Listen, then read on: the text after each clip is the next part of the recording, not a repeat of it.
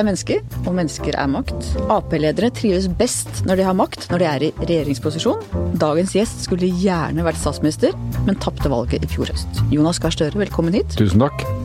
Det sies om deg at du er en mann det kan være vanskelig å være uenig med. Det skal vi komme tilbake til, men først. Sist vi var sammen var under Arendalsuka, da jeg ledet en samtale mellom deg og statsminister Erna Solberg om Norges fremtid. Jeg spurte dere begge hva dere er mest enige om, og hvor dere er mest uenige, hvis vi ser bort fra skattepolitikken. Og fortell lytterne våre hva du ser på som den bredeste enigheten, og den største uenigheten mellom deg og Erna Solberg. Jeg tror jeg sa da at eh, det er en kvalitet i Norge at vi er enige om mye, og mer enn vi er i mange andre land. Det er ikke et mål at samfunnet skal rives fra hverandre i uenigheter hvis ikke det er grunnlag for dem. Men det er jo mellom Høyre og Arbeiderpartiet noen ganske fundamentale skiller i måten vi forstår samfunnet på, og måten vi løser de store oppgavene hvor vi tror mer på sterke fellesskap, og at det å investere i dem gir deg og meg større frihet, større muligheter, og at små forskjeller ikke kommer av seg selv. Det må virkelig arbeides for dem. Der ser vi skiller i politikken. Eh, skattepolitikken nevnte du, det er jo én del av det. Eh, men da også, det er den åpenbare. Det er den åpenbare, men eh, jeg er med på at det er ikke bare den. Det er også mange andre. Eh, og når vi nå snakker om en familiepolitikk som gjør det mulig å kombinere det at mor og far kan jobbe og ha barn og stille opp for dem uten at de sliter seg helt ut, så er det bra for mor og far og barn. Men det er også viktig for samfunnet at vi, at vi er produktive, jobber, bidrar til verdiskapningen. Der er vi eh, uenige. Og synet på hva som da skaper de store forandringene i samfunnet, fellesskapets ansvar, eh, og at vi da må bidra til det etter en rettferdig fordeling hvor de av oss med sterke skuldre bidrar mer. Det er et grunnleggende skille. Så har vi vært eh, enige i hovedvalg på utenriks- og sikkerhetspolitikken. Det, det er viktig. Det er kjempeviktig. Det er viktig, og det er viktig å holde fast i det. Men det er jo litt ulikt temperament i den saken, vil jeg si. Slik at jeg vil jo anse at uh, sosialdemokratiet gjennom sitt internasjonale utsyn er mer pådriver for forandring når det er nødvendig. Tenker du at dere er mer internasjonalt orientert? Dyrker mer kontakter ute i verden gjennom internasjonale organisasjoner også? Ja, det vil jeg tro. At, og det ligger veldig i helt fra ungdomsalder og oppover gjennom uh, i, uh, vår, i ryggmargen. Og at vi er veldig bevisst at Norge er en del av en verden. Jeg tror jo en utfordring i Norge er at vi kanskje ikke tar fullt inn over oss hvor åpen økonomien vår er.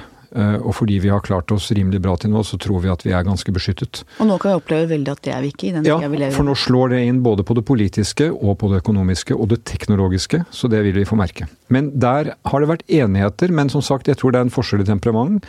Eksempelvis nordområdepolitikk. Eh, nå har jeg reist i Nord-Norge i forrige uke og ser betydningen av det. Fiskeripolitikk, samarbeid om ressursutvikling i nord samarbeid med Russland. Hvordan klarer vi det kombinert med at vi står opp mot Russlands brudd på både menneskerettigheter og folkerett? Der mener jeg at det siste kan vi være enige om, vi skal stå opp mot det. Men vi skal også være mer pådriver for å få til samarbeid og løsninger i nord, fordi vi er naboer. Tenker du at det er for mye konfrontasjon fra dagens regjering? Det er viktig å konfrontere brudd på folkeretten, men det er også viktig å klare å bruke den andre hånden, som er at når du er nabo, du kan ikke løpe fra geografien som jeg pleide å si da jeg var utenriksminister, og jeg gjentar det nå, da har du både rett til og plikt til å videreutvikle det samarbeidet. er det nordområdepolitikken du er mest stolt av fra din tid som utenriksminister? Der gjorde du ganske mye. Ja, det er jeg. Altså, jeg, der er jeg, var jeg del av et stort lag som var med å gjøre ting. Men jeg er stolt av å ha vært på det laget. Eh, men det er flere ting, da.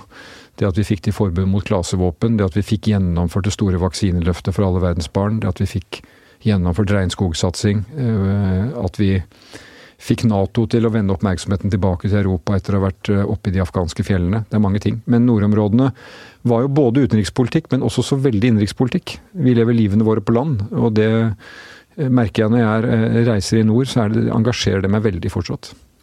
Arbeidslivet er viktig både for Arbeiderpartiet og for Norge. Hva har skjedd med vårt velorganiserte og anstendige arbeidsliv som vi har vært så fornøyd med så lenge? Jeg tror gjennomgående så trives nordmenn på jobb. Eh, og gjennomgående så har vi en, en, en høy standard. Men eh, vi må ha øynene for at ting forandrer seg. Og mens vi har et sterkt immunforsvar mot eh, en brutalisering i arbeidslivet, utrygghet, så er vi ikke immune. Og det vi har snakket om mye de siste par årene, er jo det vi ser i sektorer som bygg og anlegg. Hvor du ser innleie, korttidskontrakter, dårlige kontrakter, dårlig sikkerhet, midlertidighet som biter seg fast. Det er jo en relativt begrenset del av arbeidslivet vårt, men det er et tegn på noe som slår inn. Eh, og det vi lærte i Arendal òg, var jo den undersøkelsen som viser at eh, det nordmenn er mer bekymret for enn terror, og klima, det er utrygghet i jobben. Og teknologien skal endre bort jobbene deres. Og vi er jo blant de eh, landene i verden hvor folk har hatt størst jobbtrygghet. Ja, og fortsatt så mener jeg vi skal ha den ambisjonen. Vi skal være optimistiske på at vi kan bruke ny teknologi til det beste for folk. Men det krever også en veldig vilje til å holde fast ved den modellen om at i Norge så blir vi ikke best ved å være billigst, men faktisk ved å være best og investere i folk. Fordi en arbeidsplass i Norge er dyrere enn i mange andre land så har modellen vært slik at arbeidsgiver investerer i folk. Hvis, hvis folk er ut og inn billig, så altså du, du, pusser, du, investerer ikke i en leiebil. Den har du, og så tar du den ut igjen. Så en korttid som jobber med billig lønn, får ikke videreutdanning, opplæring til å gå videre. Og der har produktivitetsvekst i Norge gått ned? Ja, og det er jo bl.a. fordi det kommer inn folk eh, som du tjener på Arbeidsgiver vil si jeg tjener på kort sikt, for det er billigere timelønn. Men det er jo folk som da ikke går inn i de gode arbeidsfellesskapene eh, som er effektive og produktive. Slik at i bygg og anlegg som har hatt mye å gjøre, så faller produktiviteten bl.a. av den grunn. Og da er vi over på EØS-avtalen. Og det er mitt spørsmål, har dere vært flinke nok til å ta tak i de dårlige sidene? Aktivistene i LO har fått større plass, særlig rundt dette spørsmålet. Og tilhengerne av EØS har verken, men jeg, helhjertet nok forsvart den litt sånn usexy avtalen, eller med troverdighet angrepet de problemene den skaper innenfor det nasjonale lovverket du har. Har dere gitt Rødt og Senterpartiet hele spillerommet? Du unntar meg, håper jeg, fra den lista, for jeg er jo faktisk en av de som er glad i den avtalen. Eh, det kan ha med at jeg har vært med å lage den, men jeg tror ikke det. Jeg tror at det er en jeg begynner med å si det er en ikke-perfekt avtale. Ingen avtaler er perfekte. Men det er for Norge en veldig fin måte å ordne vårt forhold til Europa på. Eh, hvor vi eh, har sagt nei til EU-medlemskap. Det har folk gjort to ganger. Det tror jeg både du og jeg er lei oss for. Jo, men det er en ærlig sak. Det, det, det liksom å tape i demokratiet, det, det kan du leve med, for det er demokratiet. Men vi har ordnet det veldig viktige forholdet at vi kan handle og studere og forske og reise og utveksle med Europa innenfor regler som gjør at vi ikke vil bli tråkka på. Men er du enig i at det har vært lite, lite kjærlig forsvar for den avtalen ja, i det brede politiske Norge, da? Jo, men det er ikke så rart, for det er jo ikke en, en, en det, den er jo ikke en sak i seg selv. Den blir en sak når det kommer opp vanskelige ting. Og du har rett at det er aktivister som er mot hele opplegget, som er mot vårt samarbeid med Europa eh, basert på en avtale og regler. Og griper hver minste ja, lille flik, ikke sant? Og det betyr at uh, vi som ser de sammenhengene, og jeg mener det er viktig for sosialdemokratiet å se de sammenhengene og forsvare dem, kunne forsvare en avtale selv om den ikke er perfekt. Og skal vi gjøre det, så må vi også ta tak i det vi ikke er enig i. Altså, Vi er i Arbeiderpartiet uenig i den måten EU vil ordne jernbanen på. Privatisere, stykke opp. Da må vi kunne si fra om det. Eh, vi skal ikke si at vi er for det for at vi er for alt det de er enig i. Eh, og jeg mener at vi skal følge veldig nøye på dette som er med arbeidsvilkår, eh, lover og regler, standarder. Eh, det griper jo om seg også i Europa nå. Land som ligner på oss er veldig opptatt av det. Og jeg mener fagbevegelsen, eh, det som er igjen av den i de landene hvor den er svekket, og der hvor den står sterkt, må kjempe den saken. Eh, og da kan vi vinne de sakene. Og, og, og jeg har deltatt i debatter hvor EØS-avtalen liksom har stått på spill, og det har jo da stort sett landet ned på at et flertall har sagt at den er en god avtale for oss, men vi tar selvfølgelig ikke hva som helst. Vi må også kunne si nei når det er nødvendig. Men fagbevegelsen, LO, mister jo tyngde i takt med den fallende organisasjonsgraden. Hvor bekymret er du for det på en skala fra én til ti? At færre organiserer seg. Åtte. Ja, ja og For to år siden ville jeg sagt seks, men jeg er veldig bekymret for det. Og la oss da, siden du snakker med Ap-lederen, ikke bare si LO, men det gjelder det organiserte Norge. Og det at organisasjonsgraden faller er negativt på veldig mange måter, og vi kunne fylt hele sendingen med det, men la oss ta et par eksempler.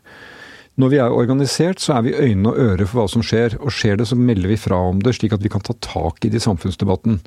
Det du ser nå, f.eks. den Aleris-debatten, som jo vi skal lære mer om i rettssystemet, tydeligvis. Private operatør på helse og Private operatør på helse, og folk som jobber og ikke har faste ansettelsesvilkår, men er innleide konsulenter, selv om de jobber i en omsorgssektor. Slike forhold de utvikler seg. Hvis det er en høy organisasjonsgrad, så blir de rapportert om, snakket om, diskutert. Du kan ha så mye tilsyn du vil, arbeidstilsyn, politi, skattemyndigheter. Men det at det er et organisert arbeidsliv, det betyr også at vi har øyne og ører som følger med på hva som skjer.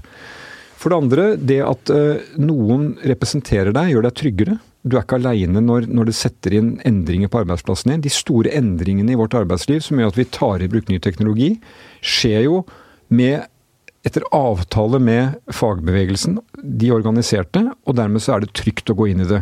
Når det reduseres, blir det mindre trygt.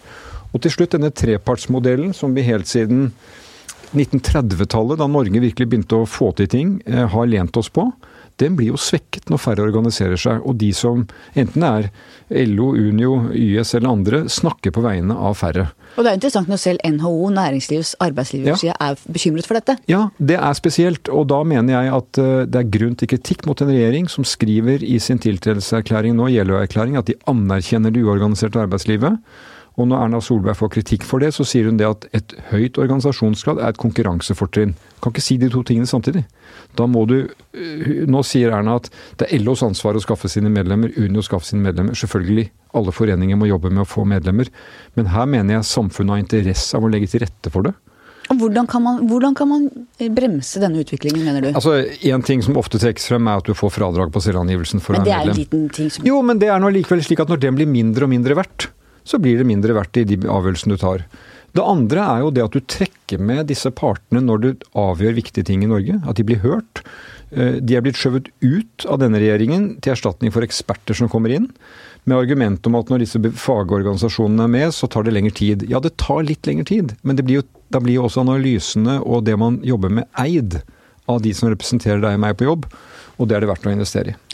Men har LO fulgt med i timen? Har de vært flinke nok til å tilpasse seg det nye arbeidslivet? Mer midlertidighet, flere løse arbeidsforhold. Er dagens LO moderne nok? Du, de spenner over et enormt spenn i arbeidslivet. Eh, fra folk som jobber på, på, sykehus, eh, til de som jobber i nye kunnskapsbedrifter, til de tradisjonelle industribedriftene. Eh, og Det er jo LOs styrke at de har klart å holde privat og offentlig sektor sammen. Det, det imponerer meg at de får til. De diskuterer så det går for seg, men de kommer sammen allikevel. Hele Nå er jo så offentlig sektor i ferd med å bli tyngre enn privat sektor. Jo, men det, det har det vært så lenge jeg har fulgt med på politikk, eh, varslet at det kommer til å skje. Eh, og, og, og Fagforbundet er sterkt, men de er enige om lønns, eh, hvordan vi skaper lønninger i, vårt, i landet vårt. Og at de, de, private konkurranseutsatte går foran. Og Det fortjener LO etter min mening stor anerkjennelse for, for det er viktig for at landet er som det er. Så vet jeg ikke hva si, Det å være moderne, det handler jo om at du tar de menneskene som lever i Norge i dags problemer på alvor. Eh, eh, representerer dem, forstår dem, går inn i forsvar for det. Eh, og de store reformene som ble gjennomført i vår tid, var jo med fagbevegelsen på laget. Pensjonsreformen, ingen enkel sak å, å ta igjennom, men basert på en stor analyse. Jeg mener det er veldig moderne. Men det henger jo på at de må være store og tunge. Og hvis organisasjonsgraden går ned, så blir de jo svakere. Og det er mitt spørsmål, Har de vært flinke nok til å på en måte tilpasse seg for å få nye medlemmer og for å, å møte det arbeidslivet som er annerledes enn det var i 1980? Jeg kan ikke gradere dem opp mot hva det kunne vært isteden. Jeg vet iallfall når jeg snakker med eh, Landsorganisasjonen at de er oppmerksomme på dette. Uh, og at de både skal ta vare på kjente sektorer og legge til rette for å være relevante for nye. Og det oppstår jo helt nye typer arbeidsplasser hvor organisasjonsmønsteret er ukjent. Uh, og der må LO være, og det er en jobb de må gjøre. Å forstå sin tid og forstå hvordan de kan argumentere for folk hvorfor du faktisk blir tryggere både i hverdag og i omstilling om du, om du er på, på et lag. Martin Kolberg ble intervjuet under Arendalsuka og var opptatt av at Arbeiderpartiet må snakke mer om arbeiderklassen. Er du enig med han i det? Gjerne det, men der er Martin og jeg ikke enig i uh, tilnærmingen fullt og helt. Fordi uh, jeg mener at Arbeiderpartiet, og dette har vi diskusjoner om nå, det er kommet en fantastisk spennende bok uh, om den samfunnsstrategen Ole Kolbjørnsen som var en, levde et eventyrlig liv, men som var en veldig viktig premissgiver for den politikken Arbeiderpartiet utarbeidet på 30-tallet. Ola Tiltak ble han kalt, altså at man hadde politikk for å skape arbeidsplasser, skape aktivitet.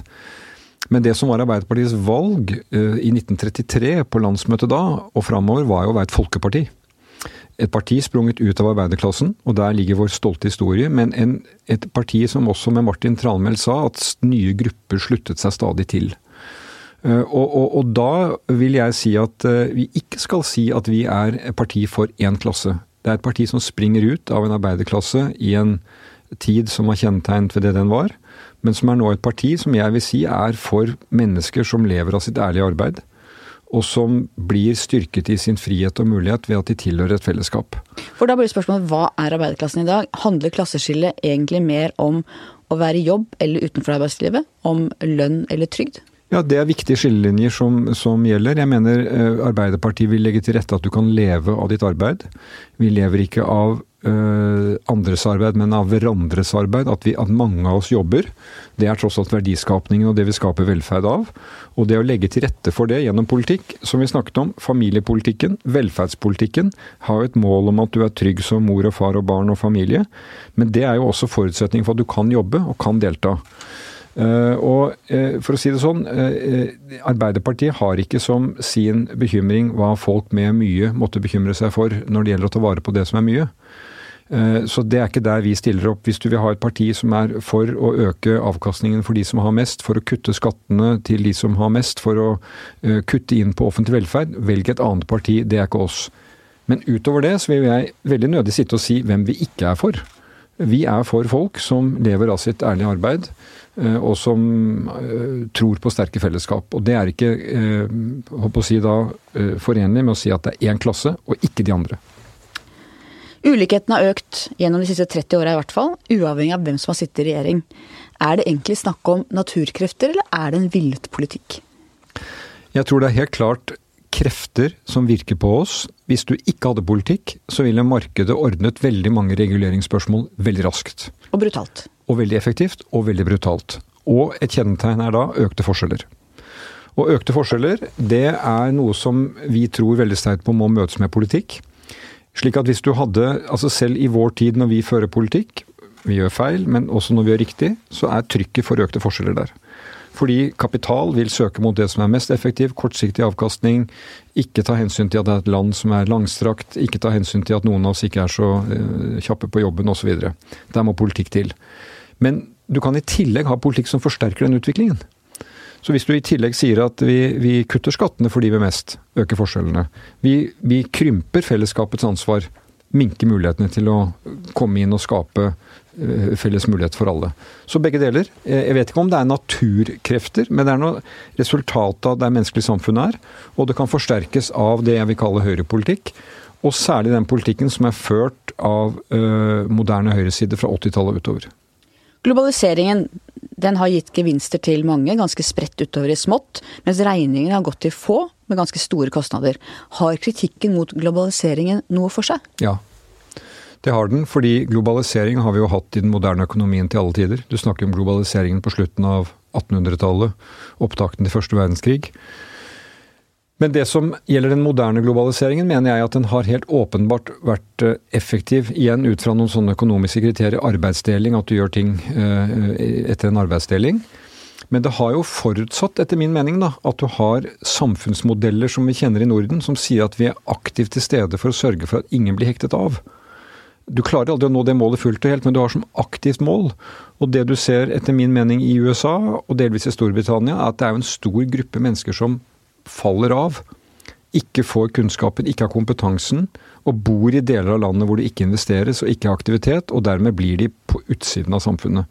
Og de vil miste troen på politikken, og de vil se mot de som er utenfor politikken, og der vokser høyreekstremismen, populismen, fram.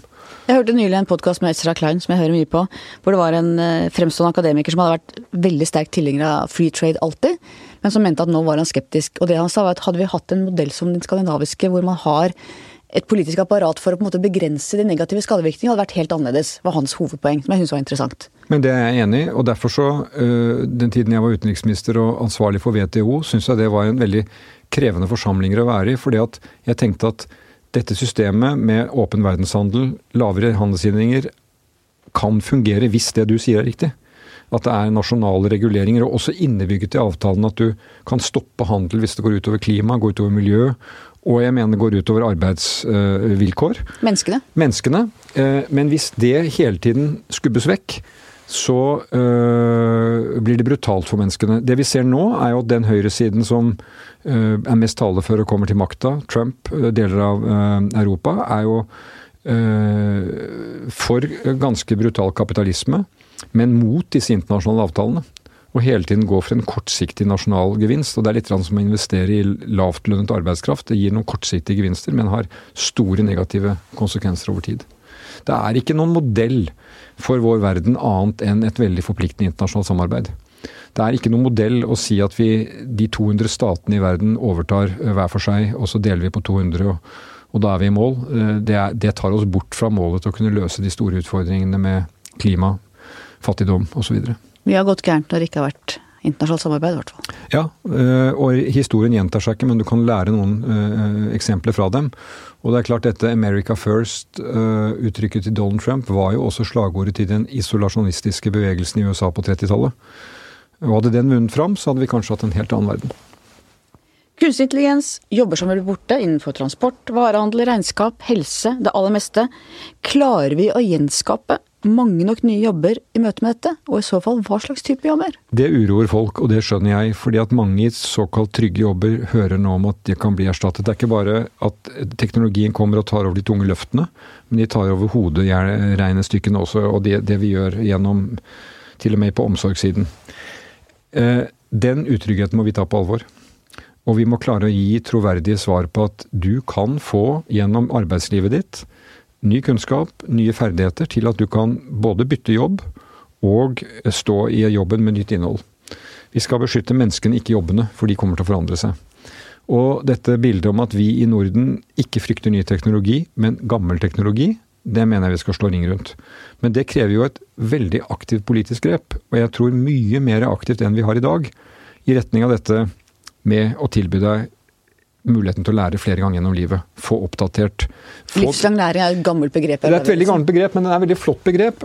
Men hva betyr det? Jo, det betyr tilbake til det vi snakket om innledningsvis. Trepartssamarbeidet. Eh, arbeidsgiverne og staten må sammen eie en sånn reform. Og mens den regjeringen vi nå har sier at vi gir noen skatteletter til bedriftene som vil investere i dette, så vil jeg heller se at vi får en rettighet til folk på jobb, til at de kan og jeg vil si noen ganger en plikt til at de skal skaffe seg ny kompetanse. Helst gjennom bedriftsintern opplæring, at du lærer på jobben, enn at du skal få en sånn kurs- og seminarreform. Men hvis du ser da i dag, winner takes all-økonomi. Facebook, Amazon, det er langt færre arbeidsplasser per 100 million dollar omsatt der, enn det var hos de gamle gigantene som General Electric, eh, Unilever osv. Det blir mye færre arbeidsplasser i den nye økonomien. Ja, og winner takes all er jo også den betydningen at ikke du får fordelt effekten av arbeidet. Det går til noen få. Veldig urovekkende. Og jeg tror jo at vi kommer til å kjøre i veggen uh, på et eller annet tidspunkt der. Uh, tidlig på 1900-tallet så gikk jo amerikanske myndigheter til aksjon mot monopolister i den amerikanske økonomien. Satt foten ned for det for å brekke det opp så det kunne fungere mer mangfoldig. Det vil jo ikke skje med disse gigantene, men at det, at det, må komme en reaksjon på dette, som ikke jeg ser helt fulle konturer av, det er ganske sikkert. Men det er tilbake igjen til et fundamentalt spørsmål i politikken, og det er det at så lenge det finnes uløste oppgaver, så finnes det også mulige jobber. Og vi er jo et samfunn stappfullt av uløste oppgaver. Uh, ikke minst i forhold til uh, omsorg, uh, mening i livet, miljø, klima, opprydding, kvalitet. Så jeg velger å være optimistisk på at vi kan skape også nye jobber, jobber som du og jeg ikke har hørt om. Men da må vi også ha penger, og det er neste poenget. Hvordan kan vi finansiere fremtidens velferdssamfunn? Hvis du ser på Google, Facebook, disse.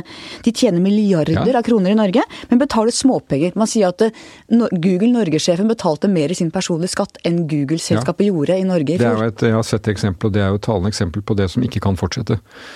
Og også på det er jo bare svaret at det må et internasjonalt samarbeid til. Statene må bli enige om at vi ikke har et race mot bunnen. Slik at Irland eller eh, Luxembourg eller det landet som har den laveste skattesatsen, tiltrekker seg alle investeringene. Og de flytter overskudd der det skattes minst. Og har enormt kompliserte sånne eh, ja. transaksjonsordninger mellom de forskjellige landene, forskjellige selskaper. Men du har snakket eh, med Marianne Martinsen, min kollega her, i en podkast tidligere. Dette er jo noe hun kan godt. og ser nå fra sin posisjon i utenrikskomiteen at vi må jobbe med også fra det perspektivet. Og da jeg var utenriksminister, slo det meg, og til og med George Bush-administrasjon slo alarm om dette. For det gikk jo også utover amerikanske skatteinntekter, det som er igjen av dem. Eh, og Derfor så tror jeg at her, også her må vi få til eh, internasjonalt samarbeid. Jeg tror EU er veldig viktig. Det er tross alt de europeiske landenes eh, felles svar på dette området. Eh, og Norge må gå aktivt inn i det. Men det er jo veldig vanskelig i en tid hvor samtidig vi ser at USA bygger ned en del av det internasjonale rammeverket ja. som dette kunne skjedd innenfor. Veldig vanskelig. Eh, men eh, du vet, på kirkegården ligger det mange uerstattelige mennesker. Ingen er det. Så hvis USA justerer ned eller går ut av ting, så må andre gå opp for å ta ansvar. Også vi. Og det er det jeg mener litt sånn innledningsvis om at jeg tror vi i sosialdemokratiet har en litt mer sånn aktivistisk syn på at her må vi aktivere oss. Det, det, det, går ikke an å bare komme til innkalte møter, vi må også kunne kalle inn til dem selv. En kanskje like stor utfordring er hvordan vi skal bevare oppslutning og tillit i et stadig mer mangfoldig og oppsplittet samfunn. Ikke bare pga. innvandring, men hele identitetspolitikken. Der gruppetilhørigheten blir stadig viktigere, og grupper ofte definerer seg mer ut fra hvor forskjellige de er fra andre, enn hva de faktisk har felles. Hva tenker du om det? Altså jeg pleier å begynne med å si at uh, det er jo veldig bra at vi er forskjellige. For tenk hvor kjedelig det var om vi var veldig like. Uh, I Sverige går den debatten litt av nå, både i litteraturen og i debatten om liksom at vi, vi, vi, vi, har ikke skiller nok til å få frem uh, det kreative mellom mennesker. Men det vi snakker om her, er jo ulikheter. Og at du går om bord i sånne gruppeidentiteter som ikke bygger bro til andre. Så du får det som amerikanerne kaller bridging eller bonding. Altså bonding er å knytte bånd, og bridging er at du bare bygger en bro. Og det er jo kvalitet ved en tilliten i Norge at vi har sterke bånd. Eh, og at det ikke blir, definerer oss selv mot andre, men heller har åpninger til hva som er felles. Så jeg tror jo fortsatt i et land som vårt, da, for å holde oss her, at det er i de aller fleste sammenhengene mye mer som forener oss, enn som skiller. Og at vi gjør en nyttig øvelse når vi kommer i konflikt med mennesker til å si at det her er vi uenige, men hvor, vi, hvor har vi felles interesser? Og de vil veldig ofte være uh, i flertall, og som man kan bygge på for å løse det vi er uenig i. Men det kommer jo tilbake igjen til at vi det er jo nok en grunn til at det å bevare små forskjeller, holde ulikheten eh, i sjakk, slik at vi kjenner igjen den samme virkeligheten og har interesse av å slå ring rundt den, eh, at det er viktig. Og det berører politikken på veldig mange områder. Som du sa, ikke bare skatt, men også kunnskap. Jeg tror et tema som kommer til å bli veldig viktig, og som jeg eh, ja, er kommet til egentlig er utgangspunktet både eh, i realiteten i livet, men også i politikken. Oppvekst. Det temaet må vi løfte. Oppvekstpolitikken. Det tror jeg er veldig riktig. Og jeg tror familiepolitikken. Eh, det viktigste fellesskapet for folk er familien. Det er det du puster i. Eh, og den kan være eh, god, den kan være dårlig, den kan være sprukket og mangelfull. Hva har politikken med det å gjøre? Trekke de grenselinjene og vite hvor vi kan satse. For at oppvekst legger grunnlaget for så utrolig mye. Eh, og det er klart at De aller fleste i verden ville si at det å vokse opp i Norge er bedre enn å vokse opp de aller fleste andre stedene, men det er egentlig et uinteressant perspektiv når vi ser at mange unge eh, får en for slitsom start. Ja, For det er mange ulike barndommer i Norge? Og en dårlig barndom kan vare hele livet, det kan også en god, men, men, det er et veldig godt utgangspunkt for at det vi da investerer og legger til rette for at du får, får god oppvekst. Og, og jeg er opptatt av Jeg så det svenske forslaget nå om å uh, gi noe mer tidslakk for, uh, for småbarnsforeldre. Uh, en mye mer interessant modell enn en, en kontantstøtten som den fungerer. Men at du, at du Jeg syns jeg ser for mange småbarnsfamilier som sliter for mye. Mm. Og, som både, og da blir de både dårligere foreldre og dårligere på jobb og dårligere kjærester. Og, og vi har interesse av å hjelpe dem, stille opp for dem. La oss snakke om partiet. Dette siste året, Hvordan vil du oppsummere dette siste året for Arbeiderpartiet? Nå er jeg sånn at jeg begynner å få litt distanse til at, at jeg tenker at ut av alle sånne veldig vanskelige år, og det må jeg bare innrømme, et veldig krevende år, vokser det også noe godt. Du lærer noe av det. Du må ha den som holdning at det er mulig å lære noe av det. Men det er jo en sånn litt perfekt storm, da. Eh, for jeg tenker tilbake til et, eh, et godt landsmøte, et samlet parti om et program jeg mener hadde veldig mye for seg så klarer ikke vi opp mot det valget å formidle at noe nok står på spill til at de velgerne som hadde sagt før sommeren at de skulle stemme på oss, stemte på oss. Det var ikke det at våre velgere gikk til andre, men de trakk seg et skritt tilbake. Nå kommer de tilbake, eh, får vi håpe, og vi ser målingene tegn på det. Eh, for nå tror jeg de føler mer at ting står på spill, men det klarte vi ikke da. Det var en smertelig erkjennelse. Og så får vi dette jeg vil si, kulturelle på toppen. Metoo som treffer oss, og treffer oss veldig sentralt. og, og det, det, er jo øh, Ja, jeg bør ikke gjenfortelle det. Du har dekket det, dere har dekket det. Men det faller sammen i tid, øh, og gjør jo det at øh, politikk kommer i annen rekke. Opposisjonsrolle kommer i annen rekke. Slik er det utad. Så har vi jobbet oss gjennom det, mener jeg. Våren var en veldig god vår for oss i Stortinget. Vi fikk gjennomslag for politikk på mange områder. Vant mange viktige seire på arbeid, velferd, som jeg er opptatt av. Men da vi kom til sommeren, så opplevde jeg at nå jeg var klar over allerede før jul og etter jul at dette kom til å ta tid. Vi måtte, vi måtte ta den tiden som trengtes. Og hvis det var én gang i en fireårsperiode hvor vi kunne gjøre det, eh, tross alt med senkede skuldre, så var det nå.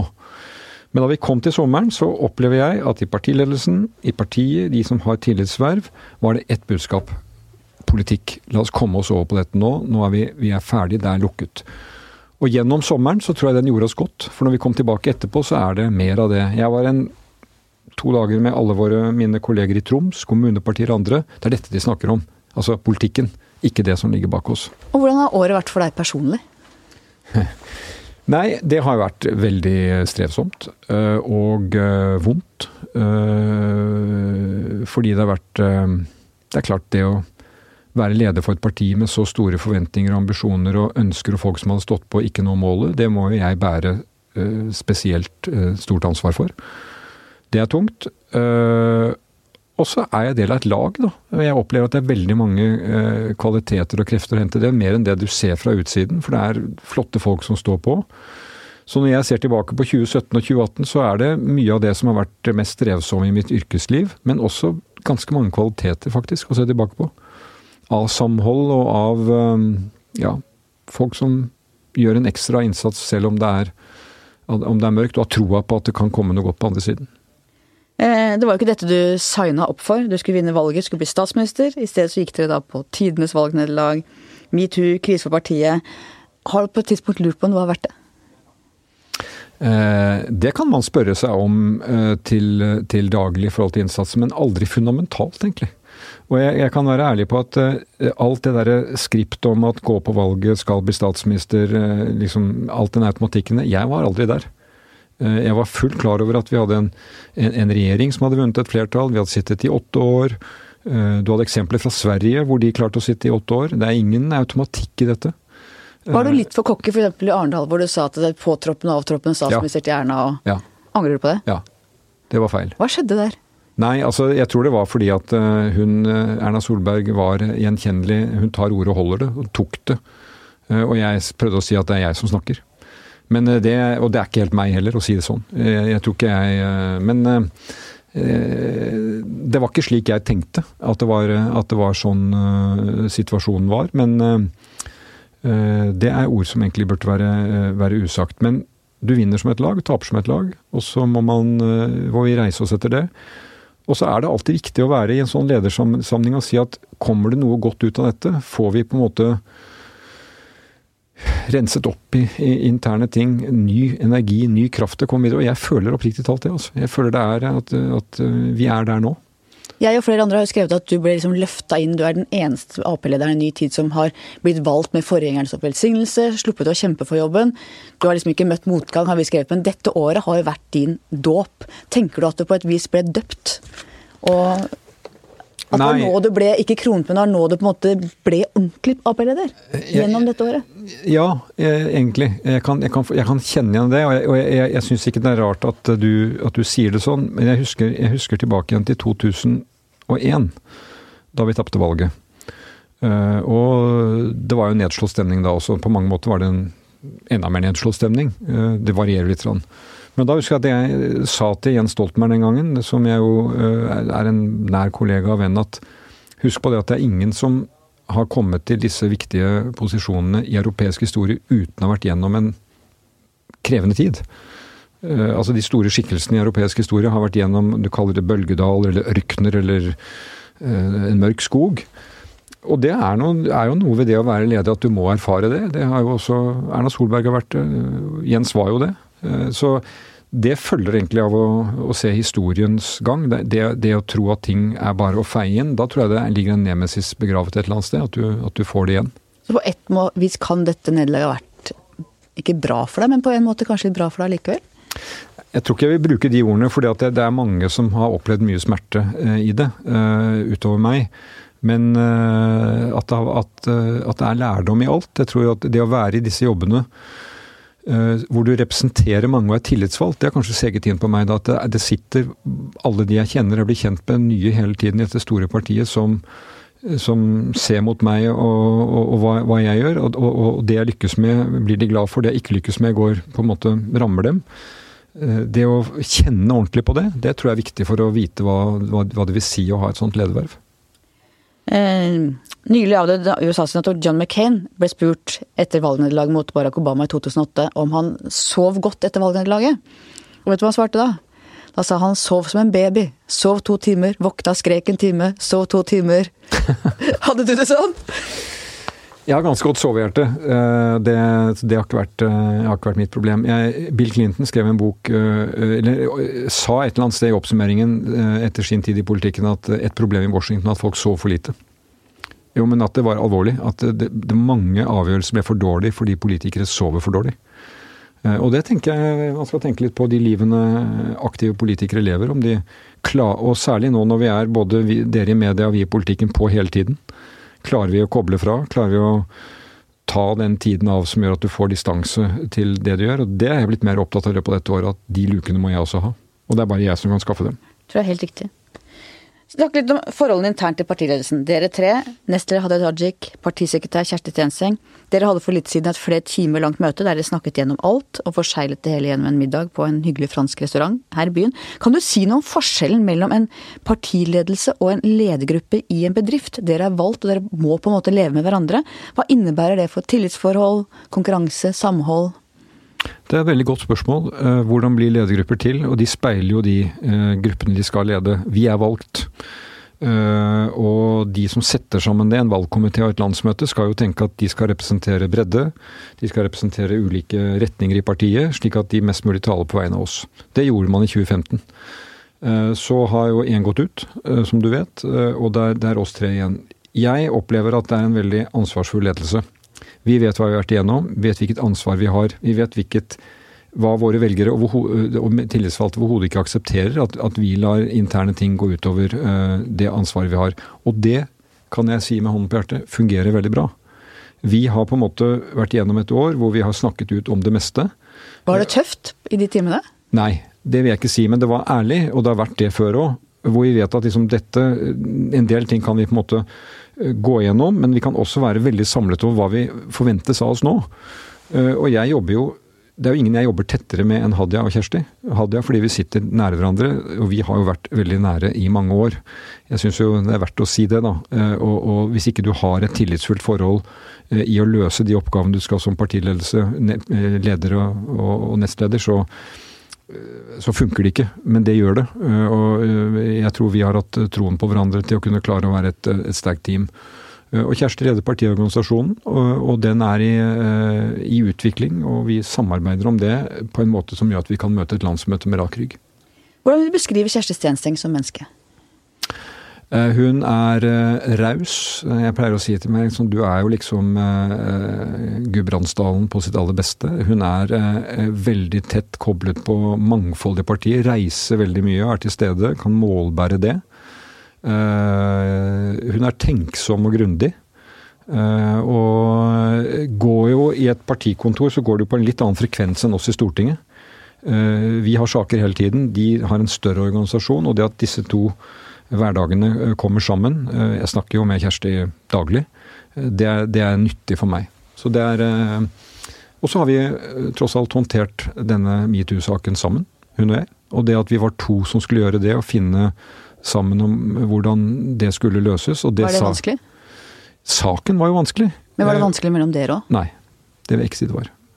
Men eh, partiet tror jeg var veldig opptatt av at eh, de stolte på at hvis Kjersti og jeg fant ut av dette, så var de trygge på det. Sånn opplever jeg det, og det gjorde vi. Og Hvordan vil du beskrive Hadia Tajik som menneske?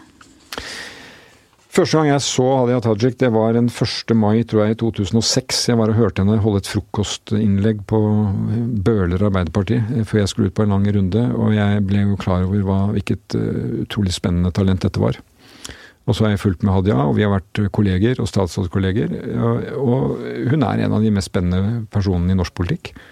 Med sin bakgrunn, men også med sin veldige grundighet i å gå inn i et bredt spekter av saker. Nå har hun hatt ansvar for eh, justis, eh, hun har vært kulturminister, nå jobber hun med arbeid. Eh, og det er en, en veldig sånn skikkelighet i måten hun går inn på det. Og så blir hun, etter hvert som hun reiser, tror jeg Hadia vil si selv også, etter hvert som hun reiser, møter masse mennesker, så tør hun også opp og du får se et veldig levende menneske.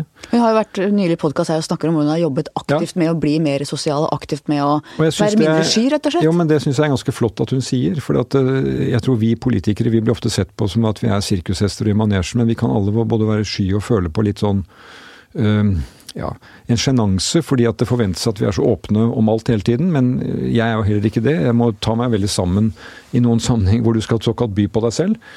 Men Hadia har gjort det på en måte som er troverdig. Eh, og jeg tenker at eh, eh, hun er en, et, et, tilskudd i vårt parti. Har jo sin lange bakgrunn tatt det hun har gjort på spennende utdanning ved siden av, som, som gjør henne til en stor ressurs. Og, og for meg en veldig støtte. Og hvordan vil du beskrive deg selv? Som menneske, som leder, som kollega?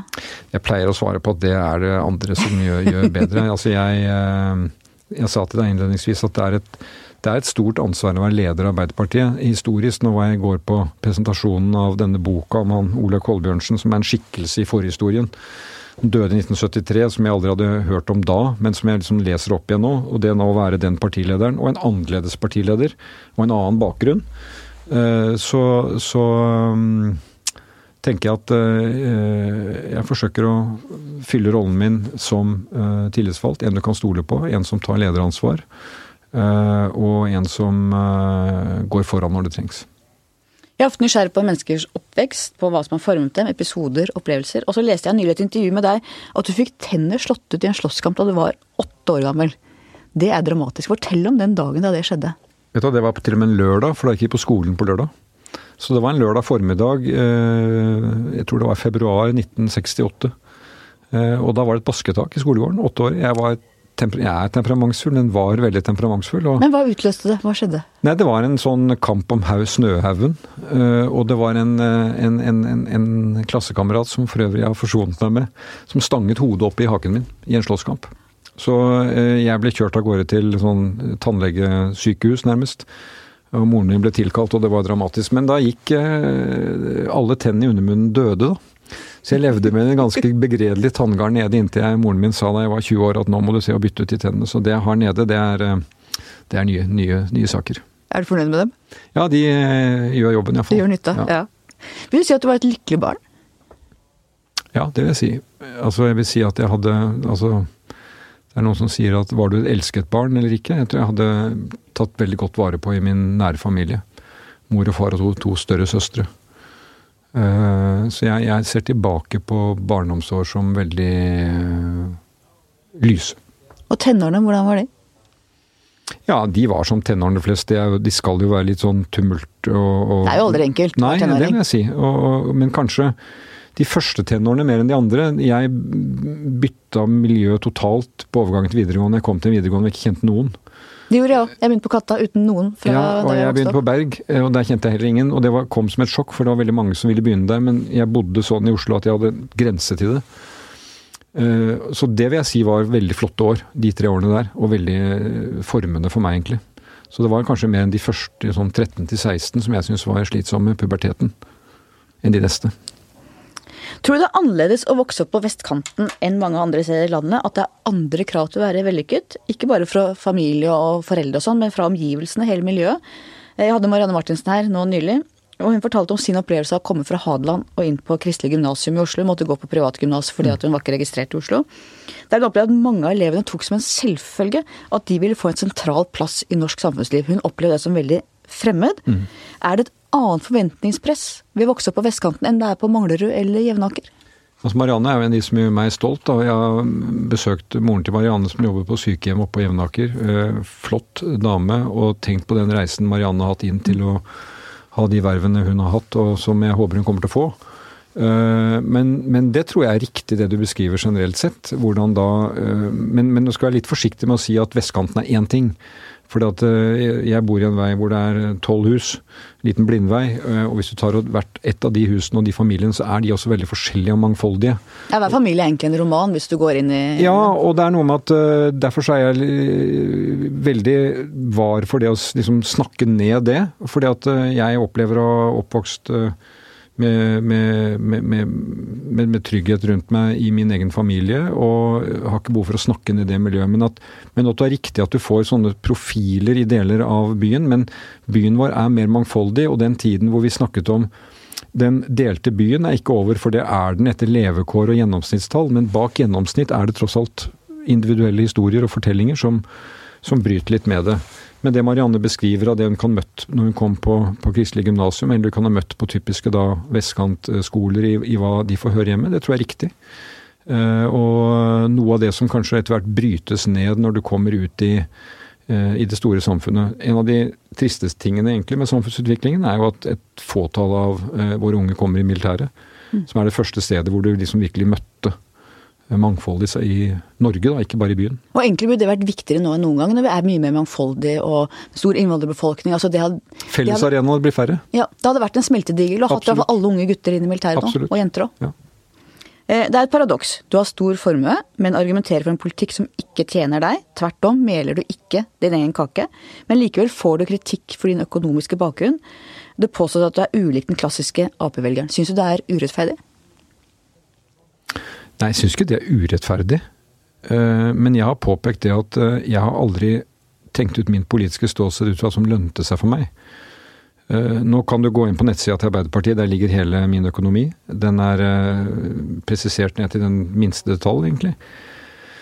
Så det er åpent og offentlig. Men, men, jeg er for en politikk hvor de med sterkest skuldre uh, bærer den tyngste bør, som jeg sier. Uh, en rettferdig fordeling. Jeg er ikke imot at folk kan bli rike i landet. De kan tjene, pengene, de tjener penger, de kan jobbe mye og tjene penger, de kan ha flaks og tjene penger. Men samfunnet skal bestrebe like muligheter uh, og bekjempe ulikhet. Og Derfor så mener jeg det er dårlig anvendte penger at jeg får skattelette under denne regjeringen. Uh, privatøkonomien så er det pluss, men det er ikke et pluss for den store sammenhengen og for det samfunnet jeg mener er trygt for mitt barnebarn å vokse opp i. Eh, du var tilbakeholden med å snakke om din økonomi i valgkampen. Det er ettertid sagt at du burde kanskje vært mer åpen. Du opplevde det som en veldig sånn privat sak, egentlig. Syns du det var ubehagelig? Ja, men, men jeg, jeg, må jobbe meg ut av det. For det, det, er ikke noe jeg skammer meg over. Eh, og som jeg eh, tenker at jeg Altså alt var åpent også i valgkampen, men det var ikke så tilgjengelig som det burde være. Det var derfor jeg gjorde det i år. Og hvis du hadde spurt meg nå burde jeg gjort det jeg gjorde i år i fjor, så svarer jeg ja. Jeg burde gjort det. Eh, jeg burde gjort det før sommeren, slik at det var bak meg. Men jeg tenkte jo ikke at dette var skjult. Så da øh, men, men, det var feil. Jeg burde gjort det, burde gjort det annerledes. Og jeg burde også være litt mindre Det tror jeg kanskje har fulgt meg litt. At øh, jeg føler ikke at det er det jeg er i det offentlige for å snakke om. Og når det blir tema ofte, så kan jeg kanskje se litt uh, Morsk ut? Ja. Men det får vi prøve å komme oss, uh, komme oss fra.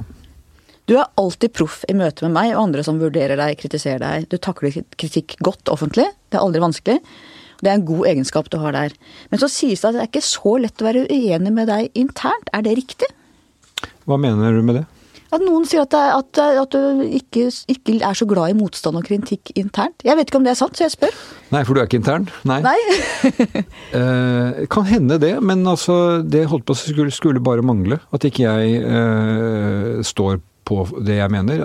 Det er en av de store utfordringene med å være partileder. At du kan ikke stå på for alt du mener eh, med en gang og spontant. Fordi du også skal samle. Eh, jeg er veldig for at noen ganger så er partilederens jobb å ikke samle, men å si det at nå går vi videre uten dem. Når det trengs. Men i Arbeiderpartiet, som du vet, det er en stor uh, allianse av, av bakgrunner og geografi og sosiale forhold. Og en partileder må evne å gå inn i det. Men at jeg kan være stri internt rundt saker, at jeg kan stå på mitt og kanskje være sta, det kan jeg kjenne igjen. Men jeg tenker også at hvis jeg ikke hadde vært det, så blir man jo en sånn slags eh, profilløs uh, møteleder i midten hele tiden. Og det, det er ikke her for å være. Mm. Du har høy tillit til egne vurderinger. Noen sier du har for høy tillit, gitt at du ikke har den grundige, gamle partierfaringen som type Martin Kolberg og andre har. Hva tenker du om det sjøl? Det er jo et faktum, men det er jo derfor de har valgt meg. Og jeg tror at uh, hvis det er noe jeg kan bringe til Arbeiderpartiet, så er det å legge en del av det bak oss. Det er en del uh, historier om fløyer og tilhøre den og tilhøre den, som jeg um, egentlig litt bevisst vil stille meg litt fremme til, fordi jeg ikke møter det ute blant folk. De vi skal tjene, samfunnet, og heller ikke blant uh, tillitsvalgte uh, folk som er ute og jobber i politikken i sitt lokale. Det blir ofte en sånn klikksak rundt uh, det sentrale miljøet i Oslo. Tenker du at det har vært litt sekterisk tid hos Arbeiderpartiet, eller? Ja, det kan det, kan, det, kan det ha vært opp gjennom tidene. Og det er iallfall klart at framtiden ikke ligger der. Da respekterer jeg samtidig at vi har ulike syn. Det er noen syn på sentrale politikkområder du kan ordne i, etter geografi og bakgrunn og yrker og sosiale forhold. Det skal vi ha. Men, men, men det at vi ender opp med å og, og at det er allianser rundt saker, er jo en naturlig del av enhver organisasjon, enten det er politikk eller ikke.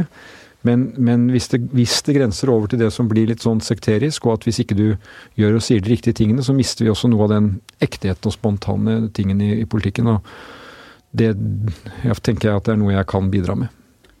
Det at du ikke har vært i skoledebatter i ungdomstiden, ikke har drevet maktkamp, ikke vært del av fraksjoner, hva betyr det for måten du leder Arbeiderpartiet på, godt og vondt? Igjen så tror jeg det er ting andre må vurdere. Jeg tror nok at de som sier at jeg ikke har vært med på det, eh, skal mm, foregne seg om de tror at ikke jeg forstår det. Og at ikke jeg hører det og ikke ser det. Men, men, eh, jeg drev med andre ting i ungdomstiden enn de skoledebattene. Jeg drev med andre ting i den første delen av voksenlivet enn det politiske livet. Jeg har ikke vært hele tiden i politikken.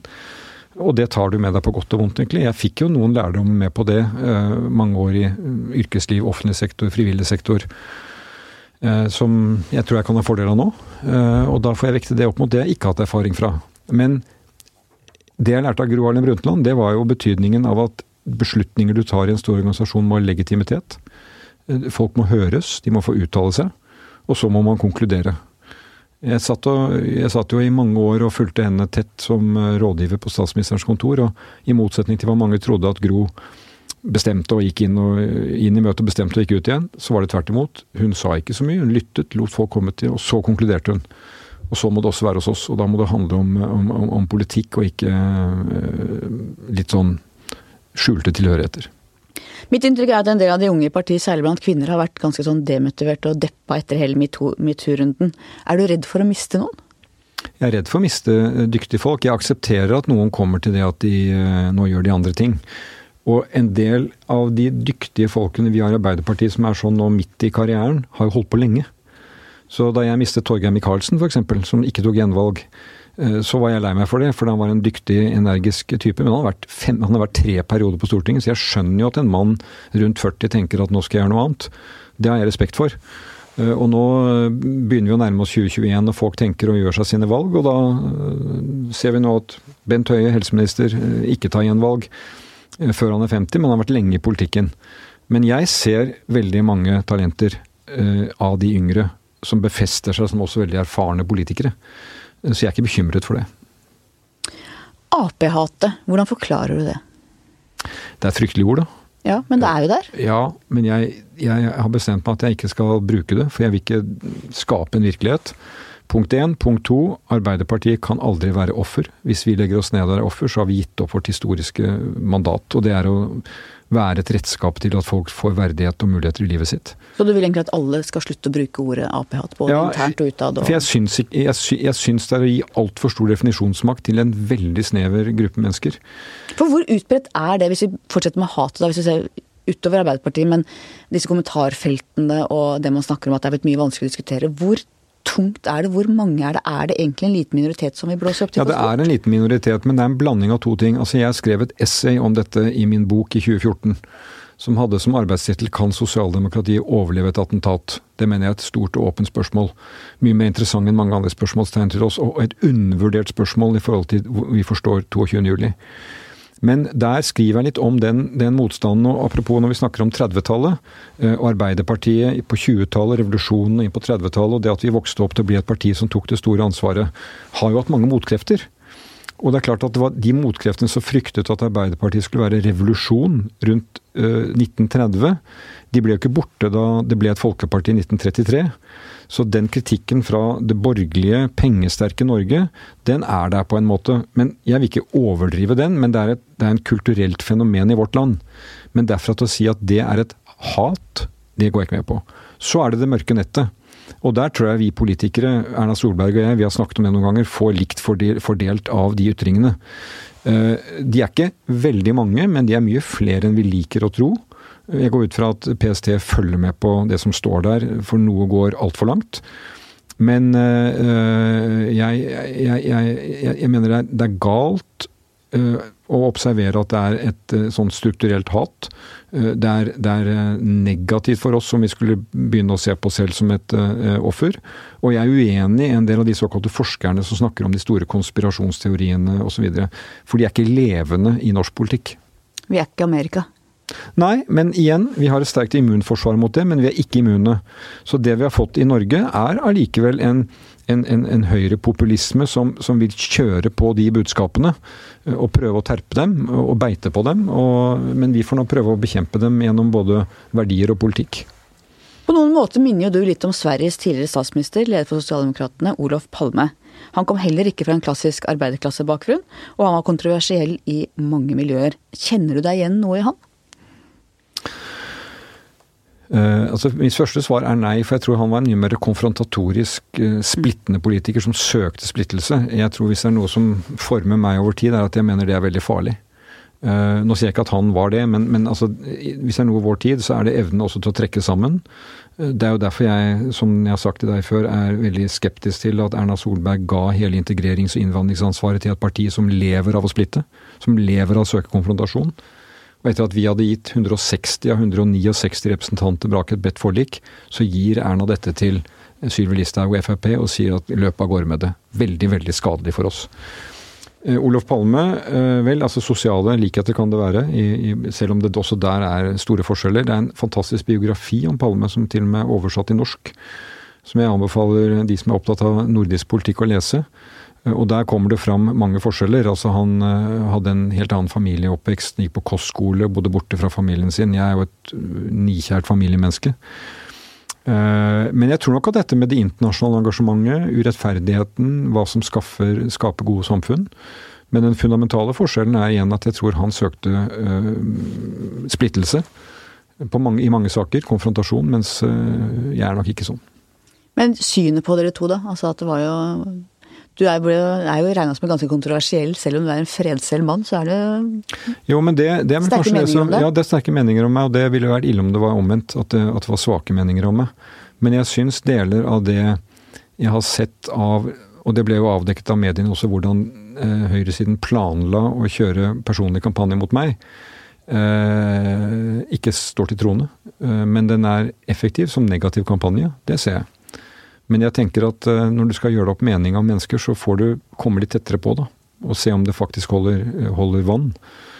Mediene får gjøre sin jobb, gjøre sin jobb. Men det er politikken vi skal, vi skal dømmes på. Og jeg så denne målingen som sa hvem er det som skaper emosjoner av politikere på nettet. Og jeg tenker at hvis du skaper mange positive følelser, så får du også mange negative. Alternativet er at du får likegyldighet, og det, det vil jeg ikke være. Vi nærmer oss slutten. Vi må se fram til neste valg. Hvor godt må Arbeiderpartiet gjøre det i kommunevalget neste år for at det skal være godt nok for deg? Det har jeg ikke noen talltanker om, men jeg har en del sånne tanker om rundt om i Norge. Jeg, jeg opplever at vi har, begynner nå å få retning og fart på det vi gjør. Uh, vi ligger litt bak i feltet. Det er, uh, I 2015 kom vi fra et veldig høyt nivå og på vei ned. Det er en ganske spesiell opplevelse i politikken. 2017 det samme. Høye målinger ut av 2016, og så var jeg på vei ned. Det er feil vei, da. Ja, det er feil vei, og det er på en måte da sånn sett interessant å prøve den andre. Og kanskje er på vei opp. Og jeg tenker at uh, vi kommer til å få spennende valgkamper i de store byene. Jeg, jeg, tror vi har en god mulighet der, for jeg tror det kommer til å bli veldig sånn tydelige valgkamper. Oslo, Bergen, Trondheim, Bodø, Tromsø. Spennende valgkamper. Uh, og så er det et litt endret kommunekart, uh, og det er en tydeligere tema rundt sentralisering og by og land som vi skal mobilisere for. Eh, så jeg har en del tanker om hva som er bra for oss med det utgangspunktet vi har, og hvor vi kan komme. Eh, men det er ikke kokt ned i et tall. Tenker du at din framtid som Arbeiderpartileder er avhengig av hvordan dere gjør det i kommunevalget? Jeg tror at et parti må vurdere sin ledelse etter ethvert valg, og tenke gjennom det. Så eh, det her jeg sitter nå, sier at jeg ser for meg ledelse av Arbeiderpartiet lenge. Eh, fordi at det er ikke aktuelt å diskutere noe annet. Men igjen, litt kjedelig svar, det er partiet, må partiet vurdere. Hvilket mannskap er de tjent med for å gjøre det godt i samfunnet og for å vinne valg? Du har vært her en gang før, men allikevel spør jeg deg til slutt.